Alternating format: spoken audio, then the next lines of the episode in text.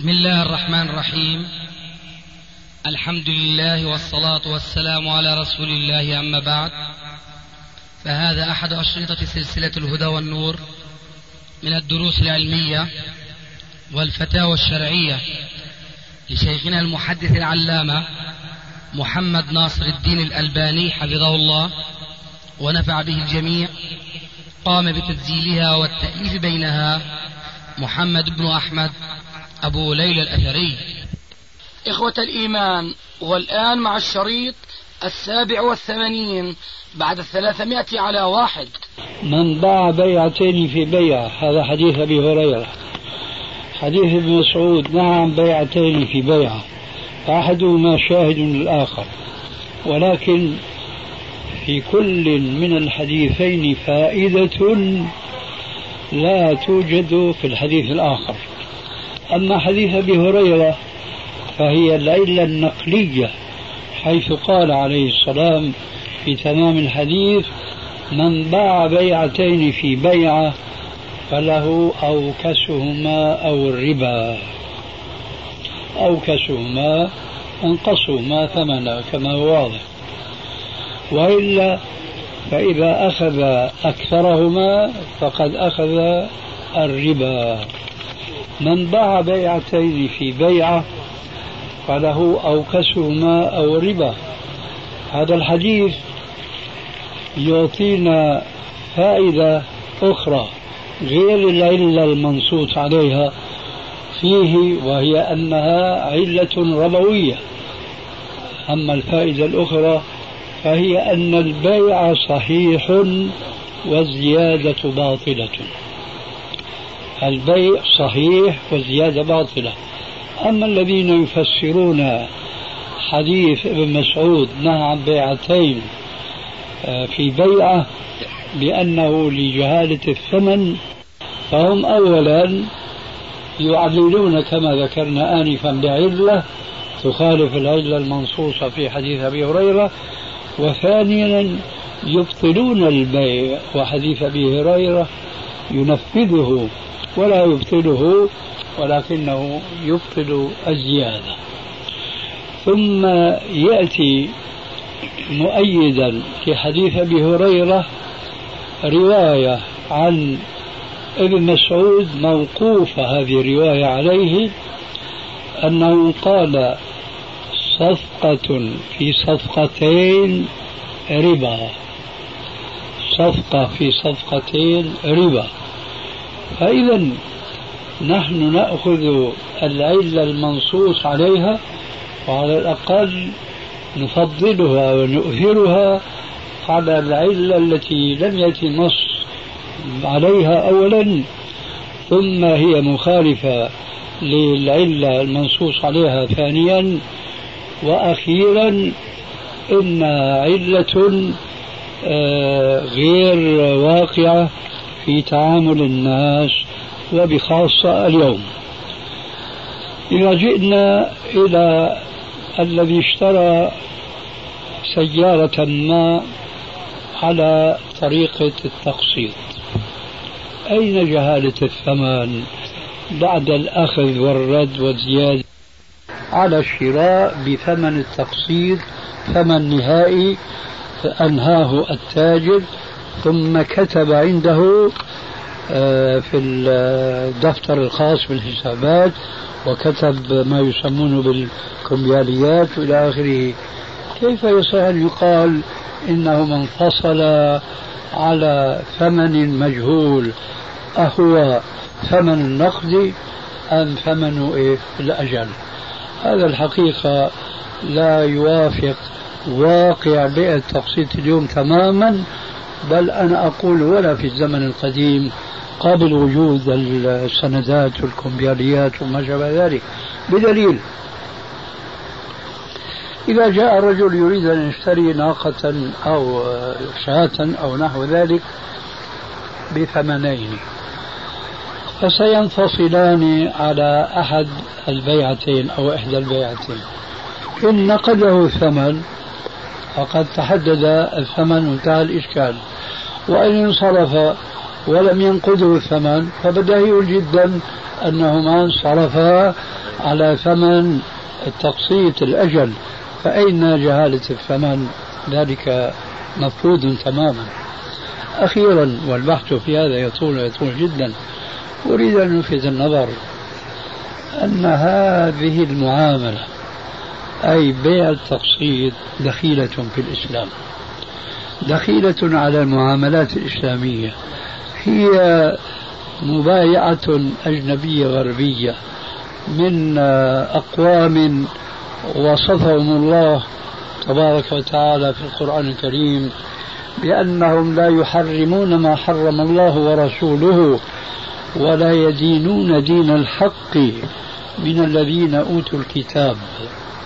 فهؤلاء لا يحرمون ولا يحللون ونحن بسبب تقليدنا الأعمى لهؤلاء الكفار استحسنا واستيسرنا بالتقسيط وفعلا فيه قضاء لمصالح الناس ولكن ليس من القاعدة المقبولة في الإسلام قولهم الغاية تبرر الوسيلة. الذي أريد أن أذكر به أن بيع التقسيط رفع الشفقة والرحمة من قلوب الأغنياء على الفقراء. وكان من الممكن لكل التجار أن يكسبوا أجورا وثوابا عظيما جدا في أثناء كسبهم للمال الحلال. وبخاصة أن هذا الكسب الحلال مع الأجور والثواب العظيم من الله أنفع لهم في العاجلة فضلا عن الآجلة. كيف ذلك؟ لقد جاء في بعض الأحاديث الصحيحة عن النبي صلى الله عليه وآله وسلم أن قرض درهمين يساوي صدقة درهم قرض 200 دينار يساوي صدقة 100 دينار. إذا أقرضت أخاك المسلم 200 دينار فكأنما تصدقت بمئة دينار. فلو أن التجار الذي وسع الله عليهم في أموالهم باعوا بسعر النقد في التقسيط ولم يأخذوا زيادة على بيع النقد وصبروا في الوفاء على إخوانهم المسلمين لله عز وجل. ليس لأخذ الزيادة التي سماها الرسول صراحة بالربا وإنما تقربا منهم إلى الله تبارك وتعالى. فتأملوا كم وكم يتوفر عندهم كل يوم من الصدقات دون أن يتصدقوا سوى أن يبيعوا بسعر النقد في بيع التقسيط. سيجمعون في كل يوم الألوف المؤلفة من الصدقات وهم لم يتصدقوا. هذا من ناحية الآجلة. أما العاجلة فانظروا الآن معي هذا السر الإلهي حينما يريد أن لا يربح المسلم على أخيه المسلم مستغلا حاجته أكثر مما يستفيد البائع من الغني. إذا تصورتم معي تاجرين يبيعان بضاعة واحدة أحدهما يبيع بثمن واحد لا فرق عنده بين ثمن النقل وبين ثمن التقسيط والآخر يأخذ زيادة على بيع التقسيط. أي الرجلين تنفق بضاعته أكثر؟ أنبئوني بعلمه تاجرين كلاهما يبيع بضاعة واحدة وسعرهما في التقسيط واحد. لكن أحدهما إذا باع بالتقسيط يبيع بنفس سعر إيش؟ النقد أما الآخر فيأخذ زيادة. الزبائن تكثر على الأول أم على الثاني؟ على الأول. إذا لماذا لا يبيع الناس بسعر واحد؟ سعر التقسيط هو عين سعر النقد ذلك هو الجشع وهو الطمع. اولا ثم الرغبه عن الأجر الآجلة التي ذكرناها انفا أنه لو كان مثلا يريد أن يبيع بسعر التقسيط زيادة ألف ريال مثلا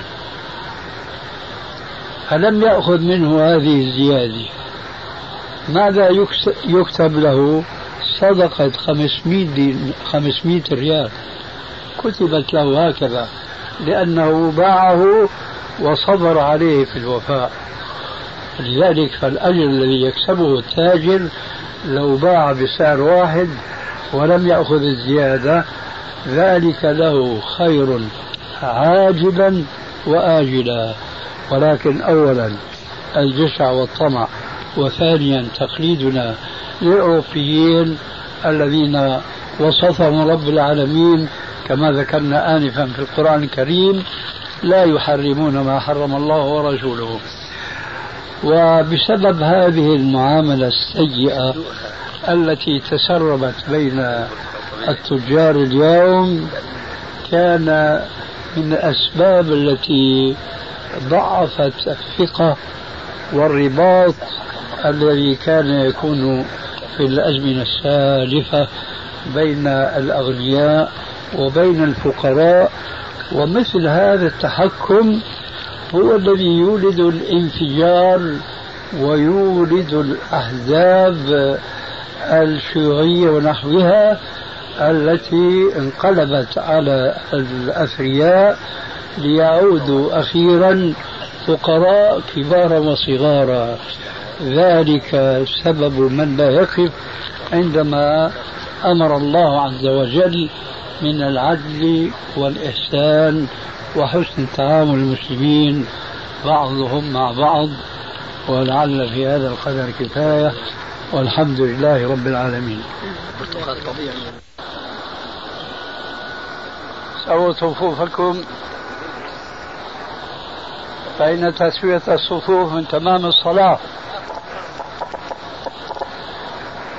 تراصوا لا تدعوا فرجات للشيطان تقدم هناك في الأخير. لا تمدوا رؤوسكم. انظروا يمينا ويسارا كما أنتم. حتى تروا من خلف الإمام. تقدموا. خطيب. يتقدم عن يسارك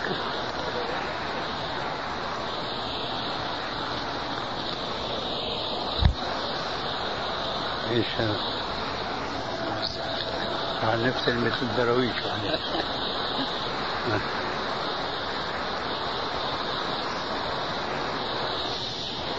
يا الله.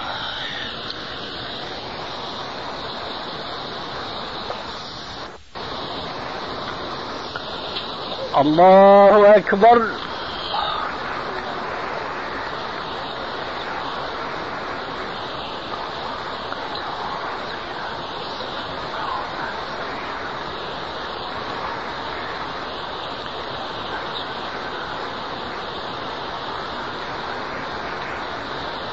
الحمد لله رب العالمين. الرحمن الرحيم. مالك يوم الدين. إياك نعبد وإياك نستعين. اهدنا الصراط المستقيم. صراط الذين أنعمت عليهم غير المغضوب عليهم ولا الضالين.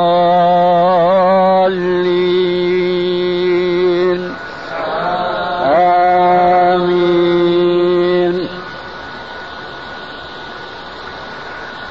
وقال الذي آمن يا قوم اتبعون أهدكم سبيل الرشاد. يا قوم إنما هذه الحياة الدنيا متاع وإن الآخرة هي دار القرار. من عمل سيئة فلا يجزى إلا مثلها ومن عمل صالحا من ذكر أو أنثى وهو مؤمن وهو مؤمن فأولئك يدخلون الجنة. يدخلون الجنة يرزقون فيها بغير حساب.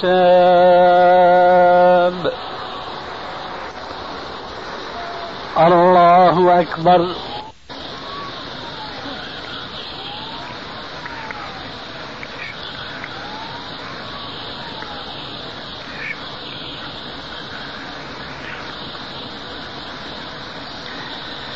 سمع الله لمن حمده.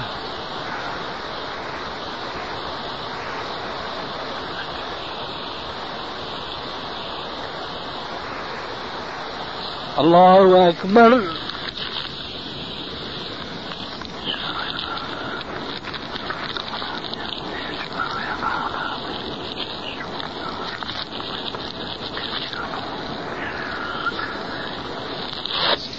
الله أكبر.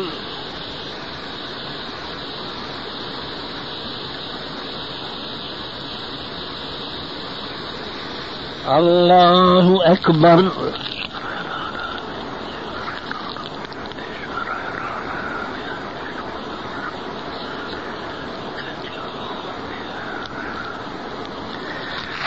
الله أكبر.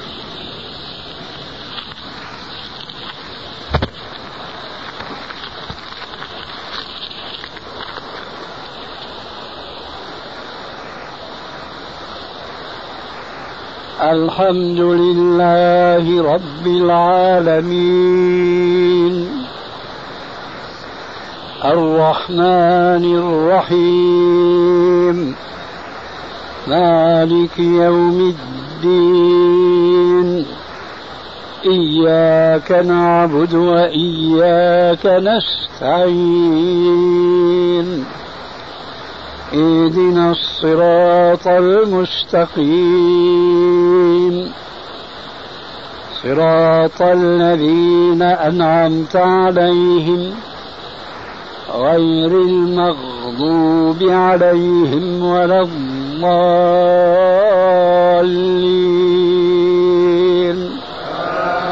آمين.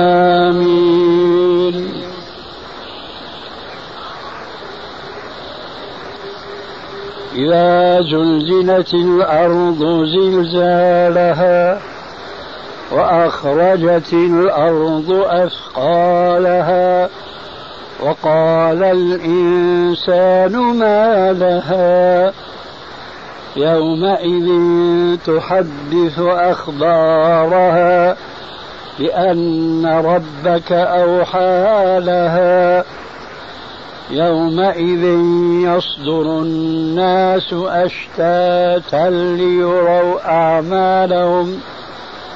فمن يعمل مثقال ذرة خيرا يره. ومن يعمل مثقال ذرة شرا يره. الله أكبر.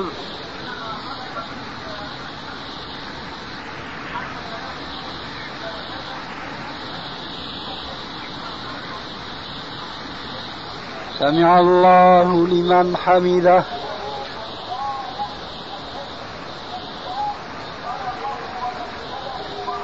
الله أكبر.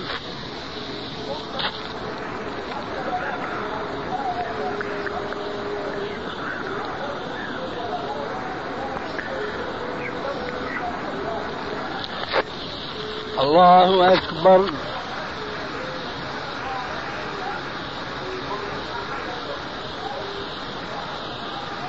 الله أكبر.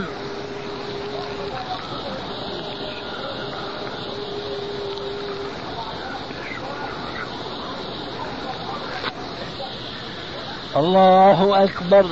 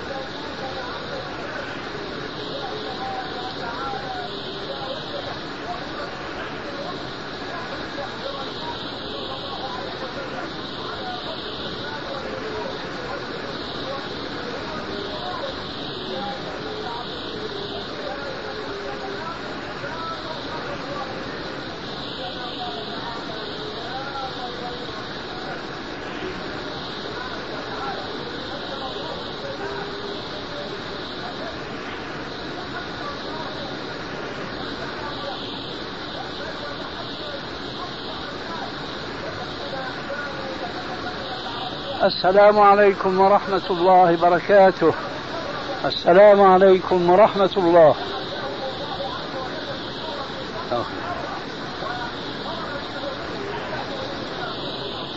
تبارك اللهم أنا لا لا لا شريك له لا اله الا الله لا اله خلاص تفضل. فضيلة الشيخ قبل قراءة الأسئلة ودنا نكمل آخر مسألة بح- بحثنا يا شيخ وهي؟ باع بيعتين في بيعة فله أوكسهما أو الربا. تفضل. البيع عقد لازم. وإذا قال اشتري هذا بكذا نقدا أو بكذا نسيئة سوف يكون البيع لازما في بيعة واحدة. ولكن لو حملنا الحديث على بيع العين العينة مثلا. مثلا اشتري بكذا نسيئة نسيئة وبيع نقد. أو بيع نقد واشتري نسيئة. هنا بيعتان لازمتان في بيعة واحدة فيكون له أوكسهما أو الربا. من فسر هذا التفسير؟ اللي فسر التفسير اللي فسرته فضيلة الشيخ. من فسر تفسيرك هذا؟ هنا أي من حمل الحديث على بيع العينة؟ قصدك تفسير من العلماء؟ أنا ذكرت لك أيضا من من العلماء فسر التفسير الذي سمعته مني آنفا. وتفسيرنا سلفي وتفسيرك خلفي. وحسبنا هذا كما قيل فحسبكم هذا التفاوت بيننا وكل إناء بما فيه ينضح. لكني أعلم أنك سلفي مثلي. ألست كذلك؟ أرجو هذا. وأنا أرجو معك. فلماذا ندع تفسير السلف ومن الراوي الذي يروي الحديث مباشرة؟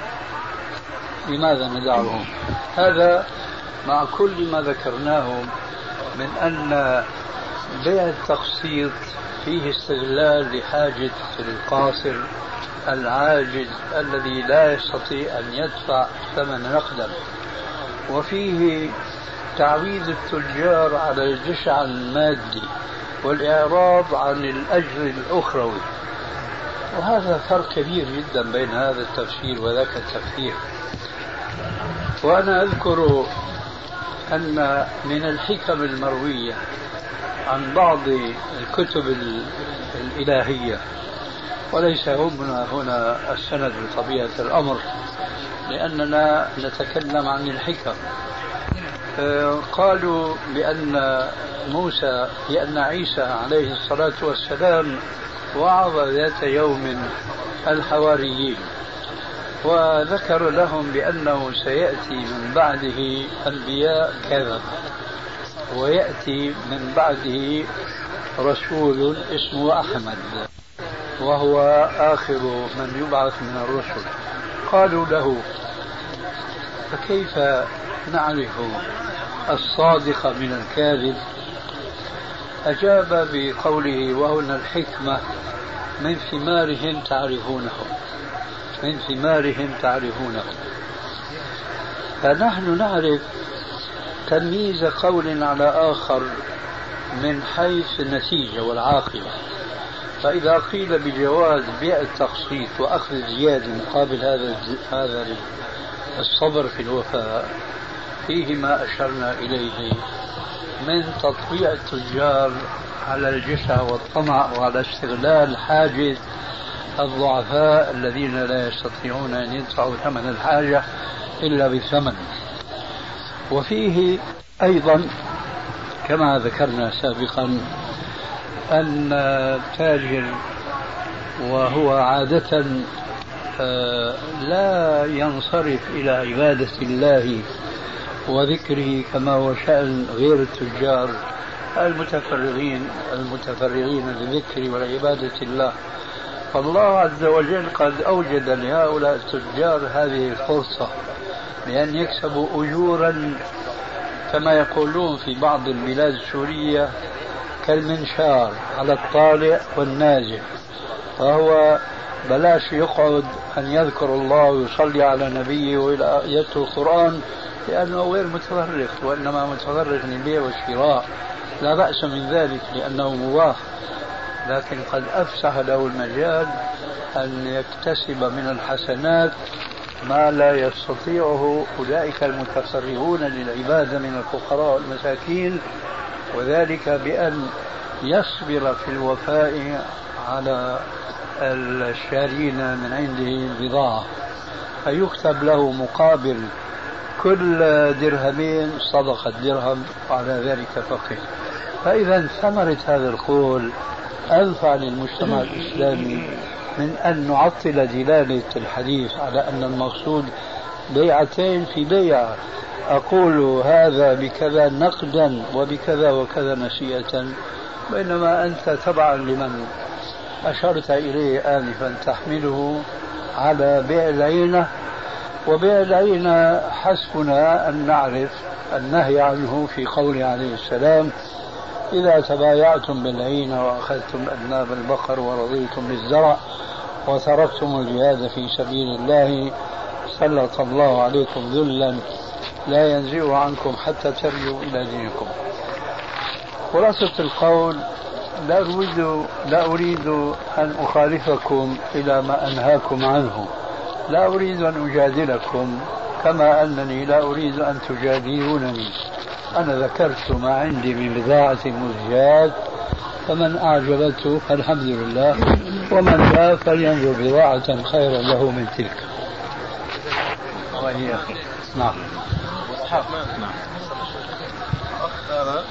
صلى كشف مكشوف الظهر هكذا يعني. نفس الصورة. صلاته مقبولة أم يعيدها؟ صلى مكشوف إيه؟ الظهر. الظهر. إيه. أي نعم مقبولة. ما دام ستر الكتفين لكن الأولى أن يستر بدنه كله. نعم. سائل يقول في قوله تبارك وتعالى تأمرون الناس بالبر وتنسون أنفسكم وأنتم تتلون الكتاب أفلا تعقلون. فيقول أنه يخشى أن يأمر بالمعروف وينهى عن المنكر فتكون حجة عليه لأنه لا يمتثل. فيقرأ قوله صلى الله عليه وسلم يؤتى بالرجل يوم القيامة فيدور في النار كحمار الراحة. الحديث.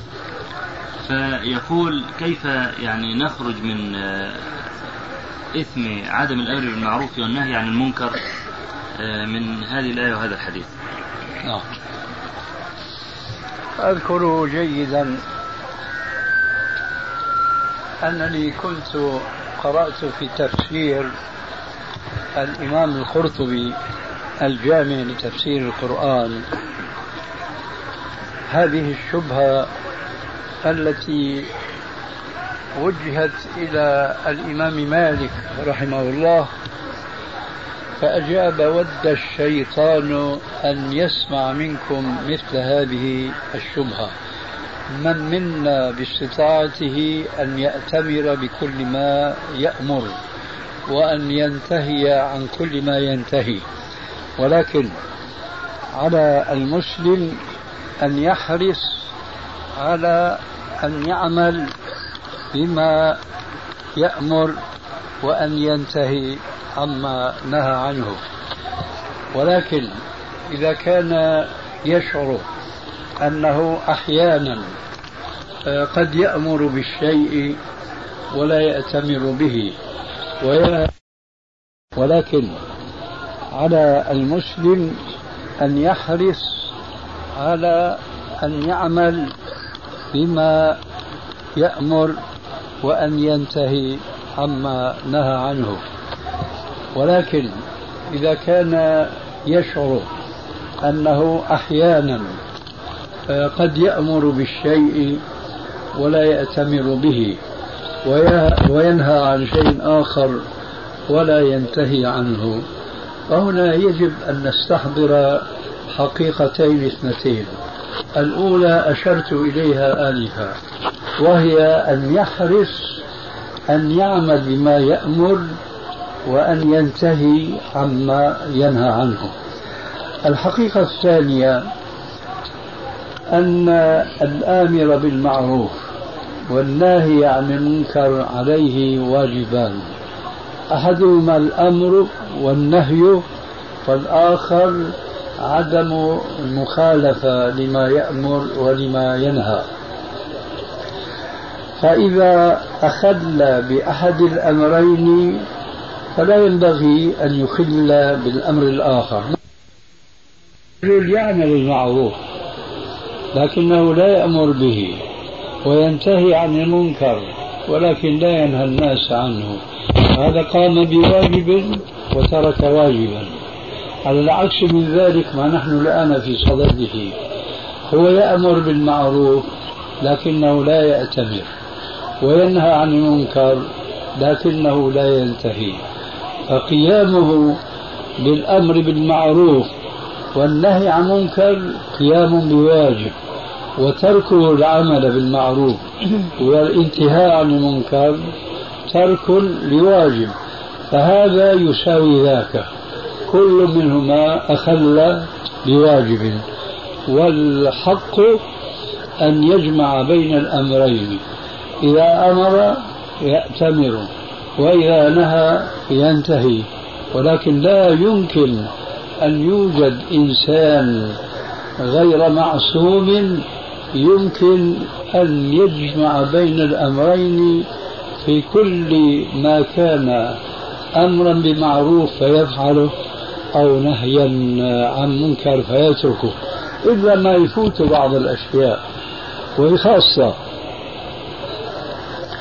أن بعض الأمر بالمعروف والنهي عن منكر قد لا يكون واجبا قد يكون من باب المستحبات أو السنن المؤكدات. فهو مثلا يحض الناس ويأمرهم بقيام الليل مثلا وهو لا يقوم الليل. ويحض الناس على صلاة الضحى ويأمرهم بها ويذكر لهم من فضلها ما شاء الله وهو لا يصلي صلاة الضحى فهنا لا نكران عليه لأنه لم يخل بواجب لأن ما ذكرنا ليست من الواجبات. فخلاصة القول أن هذه الشبهة تعطل الأمر بالمعروف والنهي عن المنكر فلا يجوز للمسلم أن يتأثر بها ولكن عليه أن يحرص كل الحرص أن لا يدخل في وعيد الحديث الذي أشار إليه السائل وهو ما أخرجه البخاري ومسلم في صحيحيهما من حديث أسامة بن زيد رضي الله عنهما أن النبي صلى الله عليه وآله وسلم قال يؤتى بالعالم يوم القيامة فيلقى في النار فتندلق أقتاب بطنه فيطيف به أهل النار فيقولون له يا فلان ويدور في النار كما يدور الحمار بالرحى. فيطيف به أهل النار فيقولون له يا فلان ألست كنت تأمرنا بالمعروف وتنهانا عن المنكر؟ فيقول بلى كنت آمركم بالمعروف ولا آتيه وأنهاكم عن المنكر وآتيه.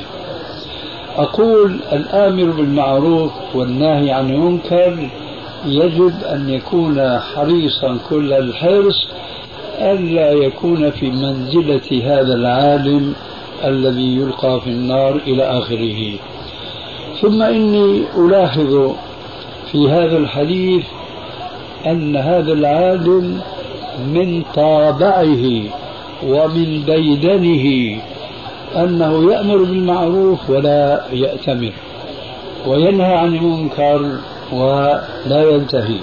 أي إنه ليس آه، كمن لو أمر أحيانا بمعروف ثم لا يأتمر ونهى أحيانا عن منكر ثم هو لا ينتهي لأن الأمر كما قلت آنفا لا يمكن لبشر أن ينجو من الإخلال بشيء من الواجبات ومن ذلك أن يأمر بشيء ولا يأتمر به وينهى عن شيء ولا ينتهي عنه.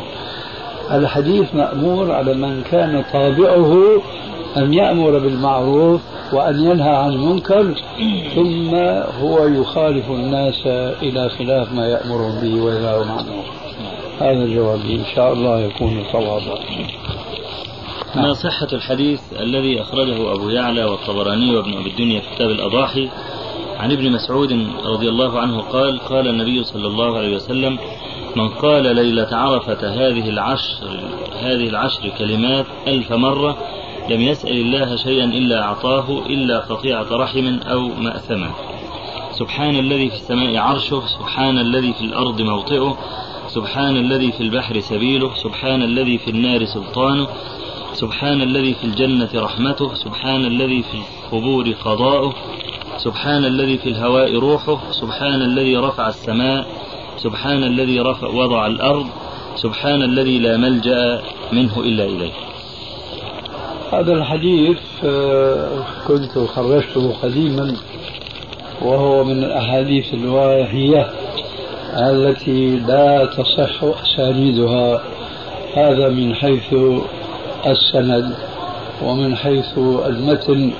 يبدو لي أنه مركب تركيبا من بعض من لا آه، أحسن أحواله أنه لا يحسن رواية الأحاديث عن النبي صلى الله عليه وسلم وأسوأ أحواله أن يكون يركب أحد حديثا من أحاديث متفرقة ويقدم إلى الناس حديثا لم يصح عن النبي صلى الله عليه وآله وسلم هذا ما يحضرني من الجواب الآن حول هذا الحديث نعم. هل الصابون الخاصة بالوجه واليدين والشامبو إذا كان ذا رائحة والكريم والكحل وما يتبعه من أداة الزينة محرم على المرأة أثناء الإحرام؟ هذه الصوابين إن صح الجمع ونحوها إن كانت تستعمل للتنظيف ولإزالة الأوساخ سواء كان ذلك في الأبدان أو الثياب فلا نرى في ذلك بأسا أما إن كان يقصد المستعمل آه، إليها لغرض الرائحة والطيب التي فيها هذا لا يجوز. نعم. طب يعني زوجتي نوت نوت الحج متمتعة وانتهت من العمرة ولم تستطع القدوم إلى الحج. لظروف خاصة فهل عليها شيء لأنها أرادت بالعمرة الحج؟ طبعا هذه لها حالتان. الحالة الأولى أن تكون قد اشترطت على ربها حينما اعتمرت عمرة الحج ولبت بالعمرة فقالت لبيك اللهم بعمرة اللهم محلي حيث حبستني فحينئذ لا شيء عليها. أما إذا لم تقل ذلك كما هو واقع أكثر الحجاج فحينئذ يجب عليها هدي ويجب عليها أن تعيد الحج من قابل. ها. ولو لم تحرم بالحج. إنها أحرمت بعمرة الحج. يعني هكذا كان السؤال. هنا أحرمت بعمرة الحج يعني آه، مشيرة بذلك تعلم أو لا تعلم إلى قوله صلى الله عليه وآله وسلم دخلت العمرة في الحج إلى يوم القيامة. ولذلك ما دام أنها أحرمت بعمرة الحج فيلزمها ما ذكرنا. أما لو أنها أحرمت قبل ذلك فلا شيء عليها. إلا إعادة العمرة مع الهدي. نعم. ما حكم التبخر بالعود بعد الإحرام؟ وهل يعد هذا من الطيب المحظور على المحرم؟ من أطيب الطيب ولماذا لا يعتبر طيبا؟ وطيب هذه البلاد هو هذا. نعم. الدعاء في آخر الشوط السابع على المروة ما حكمه؟ الدعاء على في آخر الشوط السابع من الساعة. على على المروة. على المروة. لست الآن مستحضرا جيدا فإن كان النبي صلى الله عليه وسلم آه فعل ذلك في في المروة كما فعل في كل الأشواط في آه، صفا فهو واضح. ولعل بعضكم يستحضر الآن هل فعل ذلك الرسول عليه السلام أم لا؟ تذكرون ذلك؟ هل من ذاكر؟ هل فعل الرسول كبر ثلاثا وهلل ودعا بين ذلك لما وقف في الشوط الأخير في آه، المروة؟ نعم. ما جاء ذلك. إذا ما نفعل. نعم. نعم. يسأل سائل عن يقول آه، بالنسبة لمرتبات الموظفين يأخذونها من البنك المركزي وهو بنك ربوي فهل مرتبات الموظفين حرام لأنها من أموال ربوية؟ لا أعتقد ذلك لأنني فيما أعلم آه، لا يفعلون ذلك بأنفسهم وإنما ذلك مفروض عليهم فرضا. والمهم أن يصل المال إلى الموظف بطريق مشروع. فإذا ما لابس هذا المال برهة من الزمن ما هو غير مشروع كأن يدخل به دون رغبة منه. إلى البنك فليس عليه في ذلك شيء ولكن عليه أن يحرص على استخراجه في أقرب فرصة تسمح له. نعم الوظيفة هذه الوظيفة هذه عند حكام لا يحكمون بما أنزل الله. نعم. ف... ما زاد في الأمر شيء أبدا. حكم واحد. المهم الوظيفة التي هو يقوم بها مشروع أم لا؟ والمال الذي يأخذه راتبا له جائز أم لا؟ أما ما تفعله الدولة التي تحكم غير ما أنزل الله فلسنا مسؤولين ولسنا نستطيع أن نغير الحكم كما يريد بعض الناس اليوم ما بين عشية وضحاها بل لا بد من الاستعداد لهذا التغيير أمدا طويلا بعيدا لأننا نعلم علما يقينا أن النبي صلى الله عليه وآله وسلم الذي كان ممدودا بوحي السماء في كل لحظة استمر في إصلاحه لقومه 23 عاما حتى تمكن من وضع بذرة الدولة المسلمة. فماذا يتمكن المسلمون اليوم أن يفعلوا؟ وقد ذهب نبيهم من بين ظهرانيهم وإن كان قد ترك لهم ما قال عليه السلام في الحديث الصحيح تركت فيكم أمرين لن تضلوا ما إن تمسكتم بهما كتاب الله وسنتي ولن يتفرقا حتى يرجى علي الحوض. صحيح وهذا من فضل الله علينا وعلى الناس أنه كما قال في حديث آخر تركنا على بيضاء نقية لا يضل أو لا يزيغ عنها إلا هالك ولكننا بسبب ما اقترف من تقد بعض من تقدمنا من رواية الأحاديث الضعيفة والموضوعة وخلطها بالأحاديث الصحيحة الثابتة من جهة وما اختلط بالعقيدة الصحيحة من التوحيد في الأسماء والصفات ونحو ذلك من العقائد مما لا صلة لها بالعقيدة الصحيحة. وما خالط السلوك الإسلامي من انحراف عن السلوك النبوي وغير ذلك من الآفات لا يمكن لجماعة مسلمة توحدت أفكارها أولا وتوحدت أخلاقها ثانيا حتى صاروا على قلب رجل واحد لا يمكنهم أبدا أن يقيموا دولة الإسلام وأن يجعلوها حقيقة تمشي على وجه الأرض إلا بعد إجراء ما أسميه بالتصفية والتربية تصفية الإسلام مما دخل فيه. من هذه الأمور التي أشرنا إليه إليها واقتران هذه التصفية بتربية المسؤولين من المسلمين من تحت أيديهم من ممن هم من المسؤولين عنهم. حينئذ يكون المسلمون قد وضعوا لأنفسهم أساسا أو اللبنة الأولى لهذا الأساس الذي يقوم عليه صرح الدولة المسلمة. أما أن يظل المسلمون يتعبدون الله ويعتقدون في الله أمورا لم تكن في العهد الأول فسوف لا يمكنهم أبدا أن يقيموا دولة الإسلام.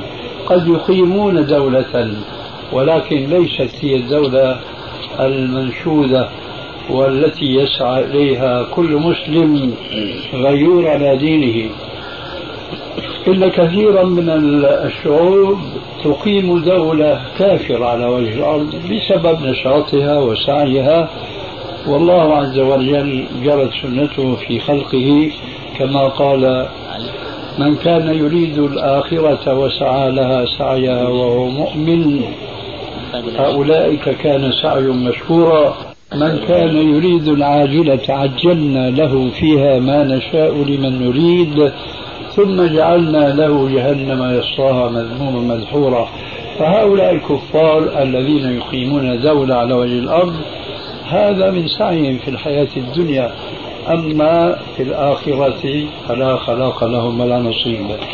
فبالأولى أن يستطيع بعض المسلمين أن يقيموا دولة خيرا من تلك الدول ولكن ليست هي الدولة التي يأذن الله عز وجل أن تستمر ما شاء الله لأنها لم تقم على هدي رسول الله صلى الله عليه وسلم وعلى سنته. خلاصة كلام في هذه الجملة المعترضة وقد طالت قليلا أنه يجب على كل الجماعات الإسلامية التي تهتم وتعلن بضرورة تحقيق المجتمع الإسلامي أولا وإقامة الدولة الإسلامية ثانيا على وجه الأرض أن يهتموا بهاتين الحقيقتين التصفية والتربية. ولا يجوز لهم أن يستعجلوا الأمور.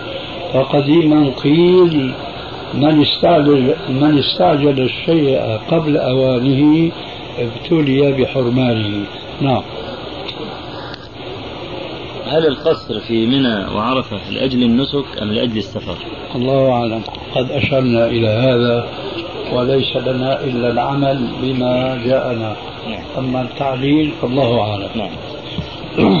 القائلون بوجوب القصر كابن حزم وغيره يقولون إن القصر في إن إن الإتمام في السفر كالقصر في الحضر في الحضر فهل هذا صحيح؟ لا نراه بعيدا عن الصواب وبخاصة وبخاصة أن هذه الجملة قد جاءت حديثا مرفوعا إلى النبي صلى الله عليه وآله وسلم في سنن النسائي ولكن الراجح أنه من كلام أنه موقوف على عبد الرحمن بن عوف رضي الله عنه أي أن الذي يتم في السفر كالذي يقصر في الحضر. قد يكون في هذه الجملة الموقوفة على عبد الرحمن بن عوف شيء من المبالغة ولكنها إذا ما عرضت على بعض الأحاديث الصحيحة لم تظهر تلك المبالغة. أه لعل الجميع يعلمون إن شاء الله الحديث الذي رواه الشيخان في صحيحيهما من حديث عائشة رضي الله تعالى عنها قالت فرضت الصلاة ركعتين ركعتين فأقرت في السفر وزيدت في الحضر. فرضت الصلاة ركعتين ركعتين. فأقرت في السفر ركعتين وزيدت في الحضر إلا صلاة المغرب وإلا صلاة الفجر.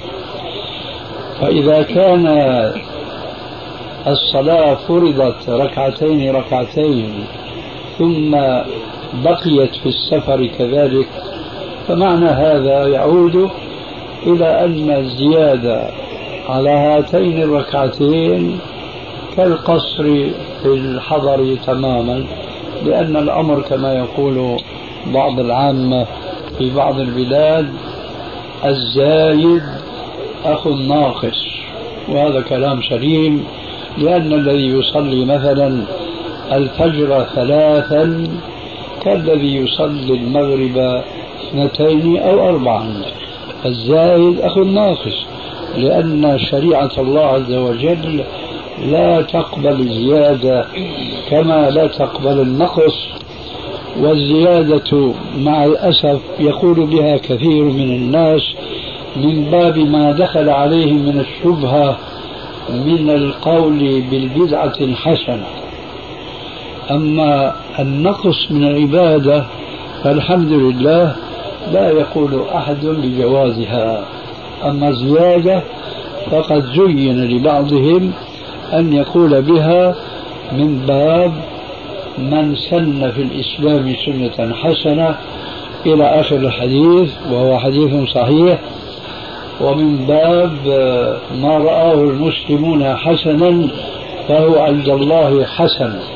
وهو حديث موقوف على ابن مسعود بإسناد حسن.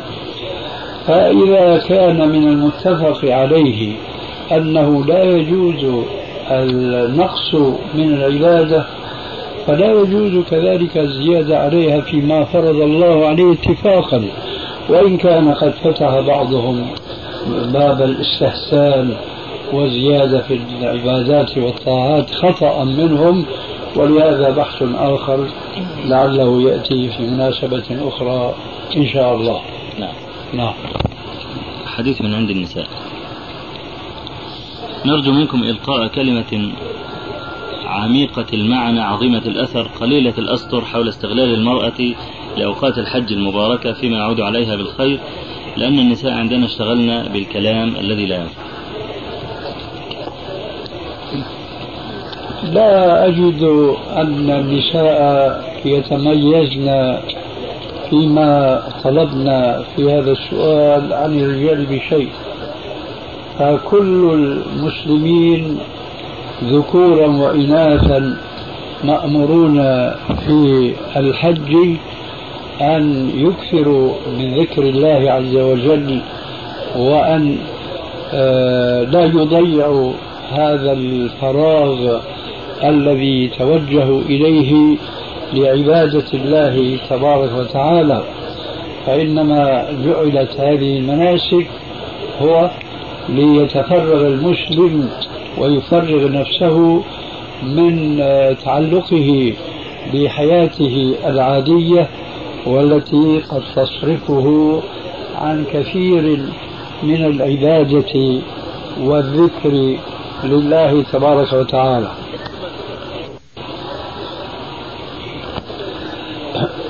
فنحن نأمر آه، النساء بما نأمر به الرجال ولا فرق وبخاصة أن النبي صلى الله عليه وآله وسلم قد قال في الحديث الصحيح إنما النساء شقائق الرجال فعليهن كما عليهم جميعا أن يهتبلوا هذه الفرصة وأن يكثروا من التلبية ومن التهليل.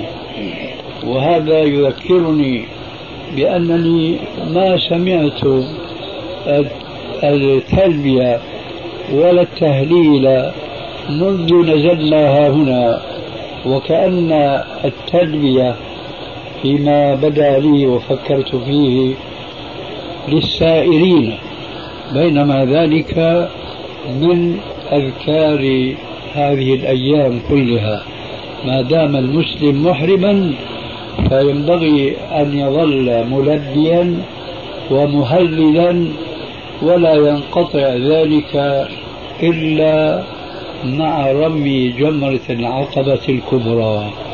فإذا نحن نأمر الرجال والنساء بأن يكثرن من التلبية المعروفة في السنة وأن يكثرن أيضا من التهليل يخالطون أو يخلطون التهليل مع التلبية لأن النبي صلى الله عليه وآله وسلم قد ثبت ذلك عنه في بعض الأحاديث الصحيحة.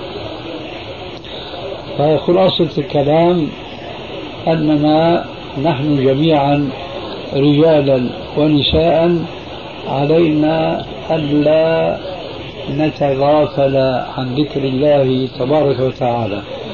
وبهذه المناسبة أريد أن أذكر بشيء ربما رب ربما يستنكره بعض الحاضرين. إن أيامنا هذه هي أيام ذكر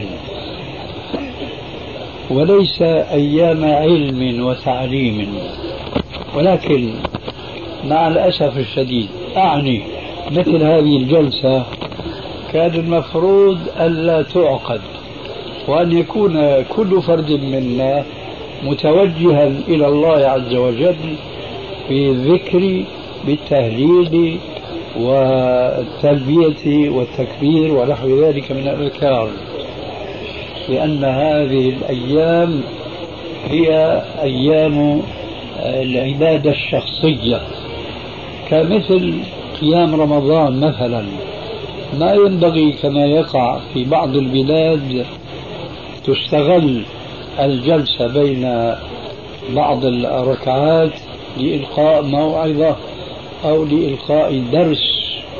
هذا كله ليس من السنة. لأن ذلك الوقت كهذا الوقت السنة فيه هو التفرغ للعبادة وليس للعلم. للعلم مجال آخر ومحله في بلادنا.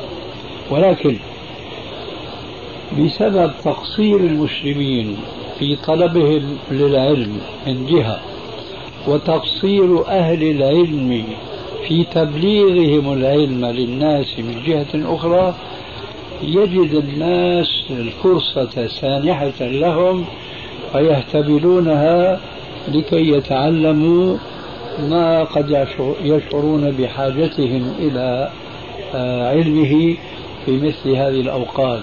وإلا فالأصل أن يكون هذا الوقت لذكر الله عز وجل وعبادته. صحيح أن العلم كما قال عليه الصلاة والسلام في الحديث الصحيح فضل العلم خير من فضل العبادة وخير دينكم الورع ولكن لكل مقام مقال لكل مقام مقال فمجال طلب العلم لا يجوز أن يحل محل الذكر والعكس بالعكس. محل طلب العلم لا ينبغي أن يحل محله الذكر.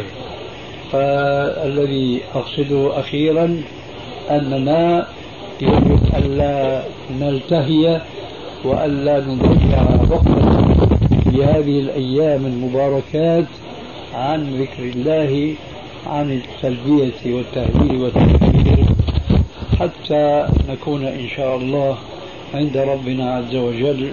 من المقبولين ومن المغفور لهم. نعم.